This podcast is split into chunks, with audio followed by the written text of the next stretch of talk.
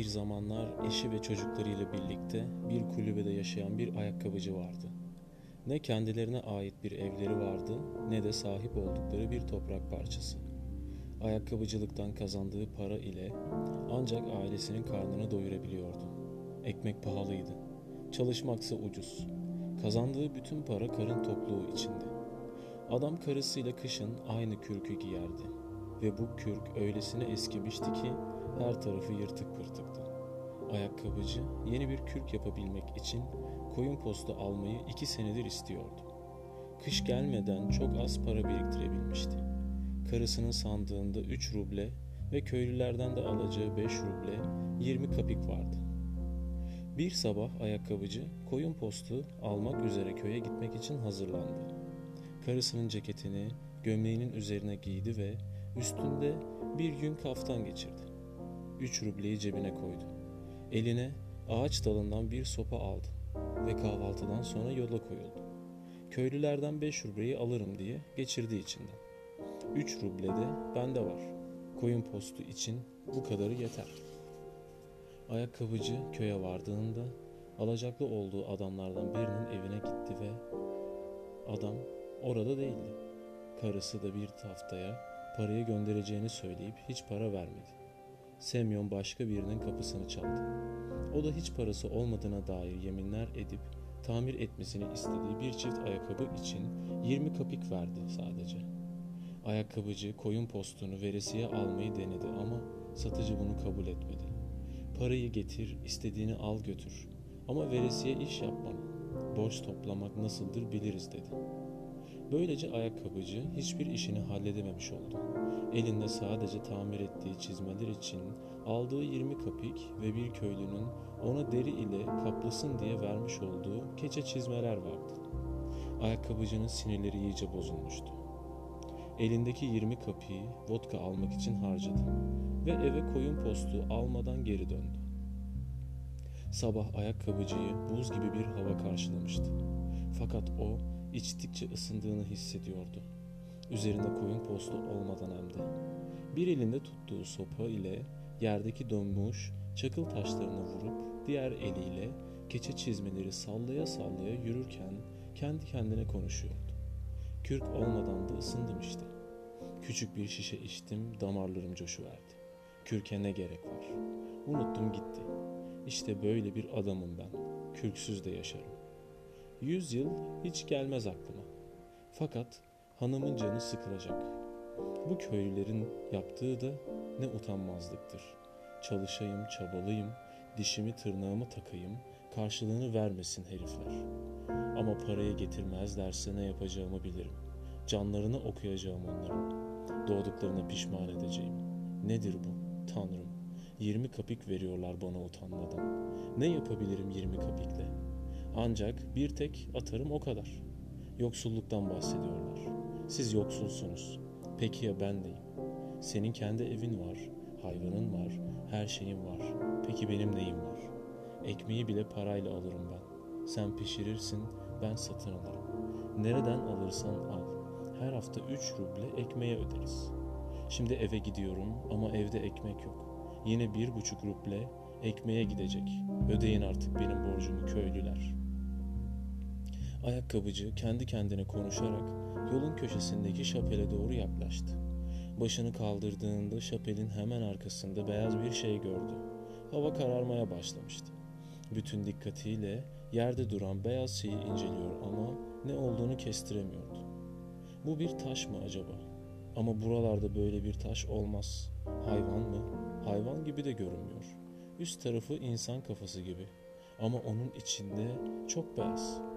Hem burada insan ne arasın? İyice yanına yaklaştı. Artık gözüne daha net görünüyordu. Çok tuhaf bir görüntüsü vardı. Şapelin duvarına yaslanmış, ölü mü, diri mi, hayatta mı belli olmayan çırılçıplak bir adam. Ayakkabıcı korkudan bembeyaz kesildi. Adamın birini öldürmüşler, soymuşlar. Sonra da buraya bırakıp kaçmışlar. Yanına yaklaşırsam başım belaya girer diye geçirdi içinden. Ayakkabıcı şapelden yürüyerek uzaklaştı. Biraz ilerleyince dönüp baktı. Adam duvara yaslanmıyor, kımıldamıyor, hatta ayakkabıcıya bakıyordu sanki. Ayakkabıcı ürkek bir tavırla kendi kendine gidip baksam mı? Ama ya başıma bir şey gelirse? Nasıl biri olduğunu nereden bileyim?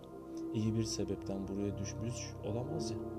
Ama gidersem de atlayıp boğazıma sarılabilir. Kim kurtarabilir beni bu adamdan?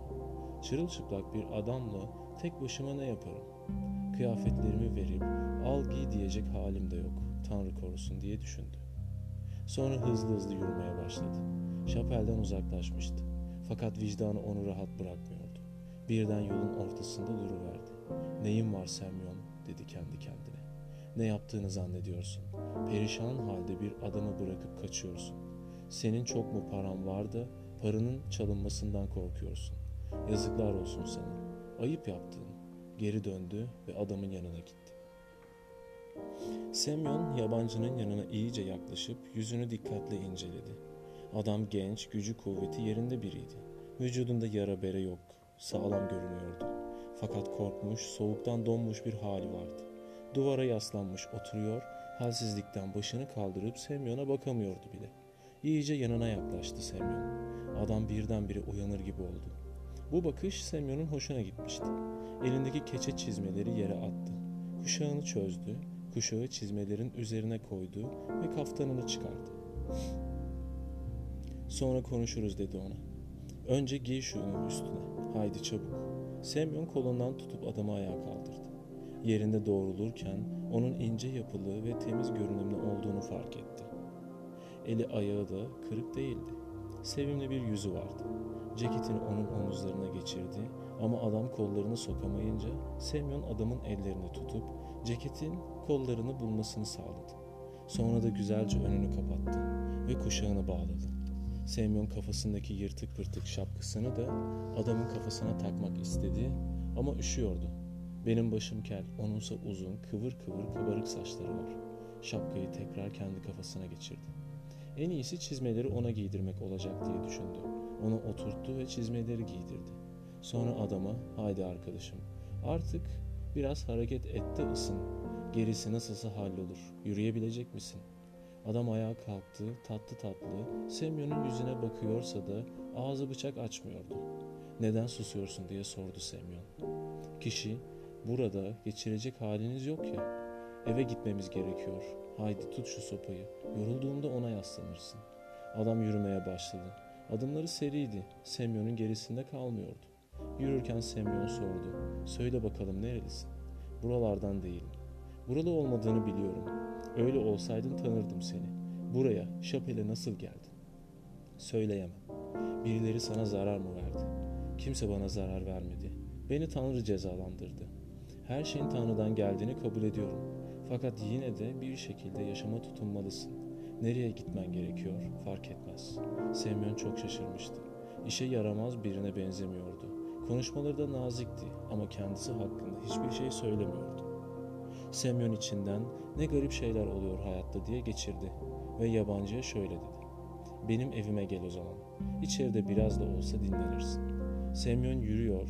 Bu garip adam da geride kalmadan yanında yürüyordu.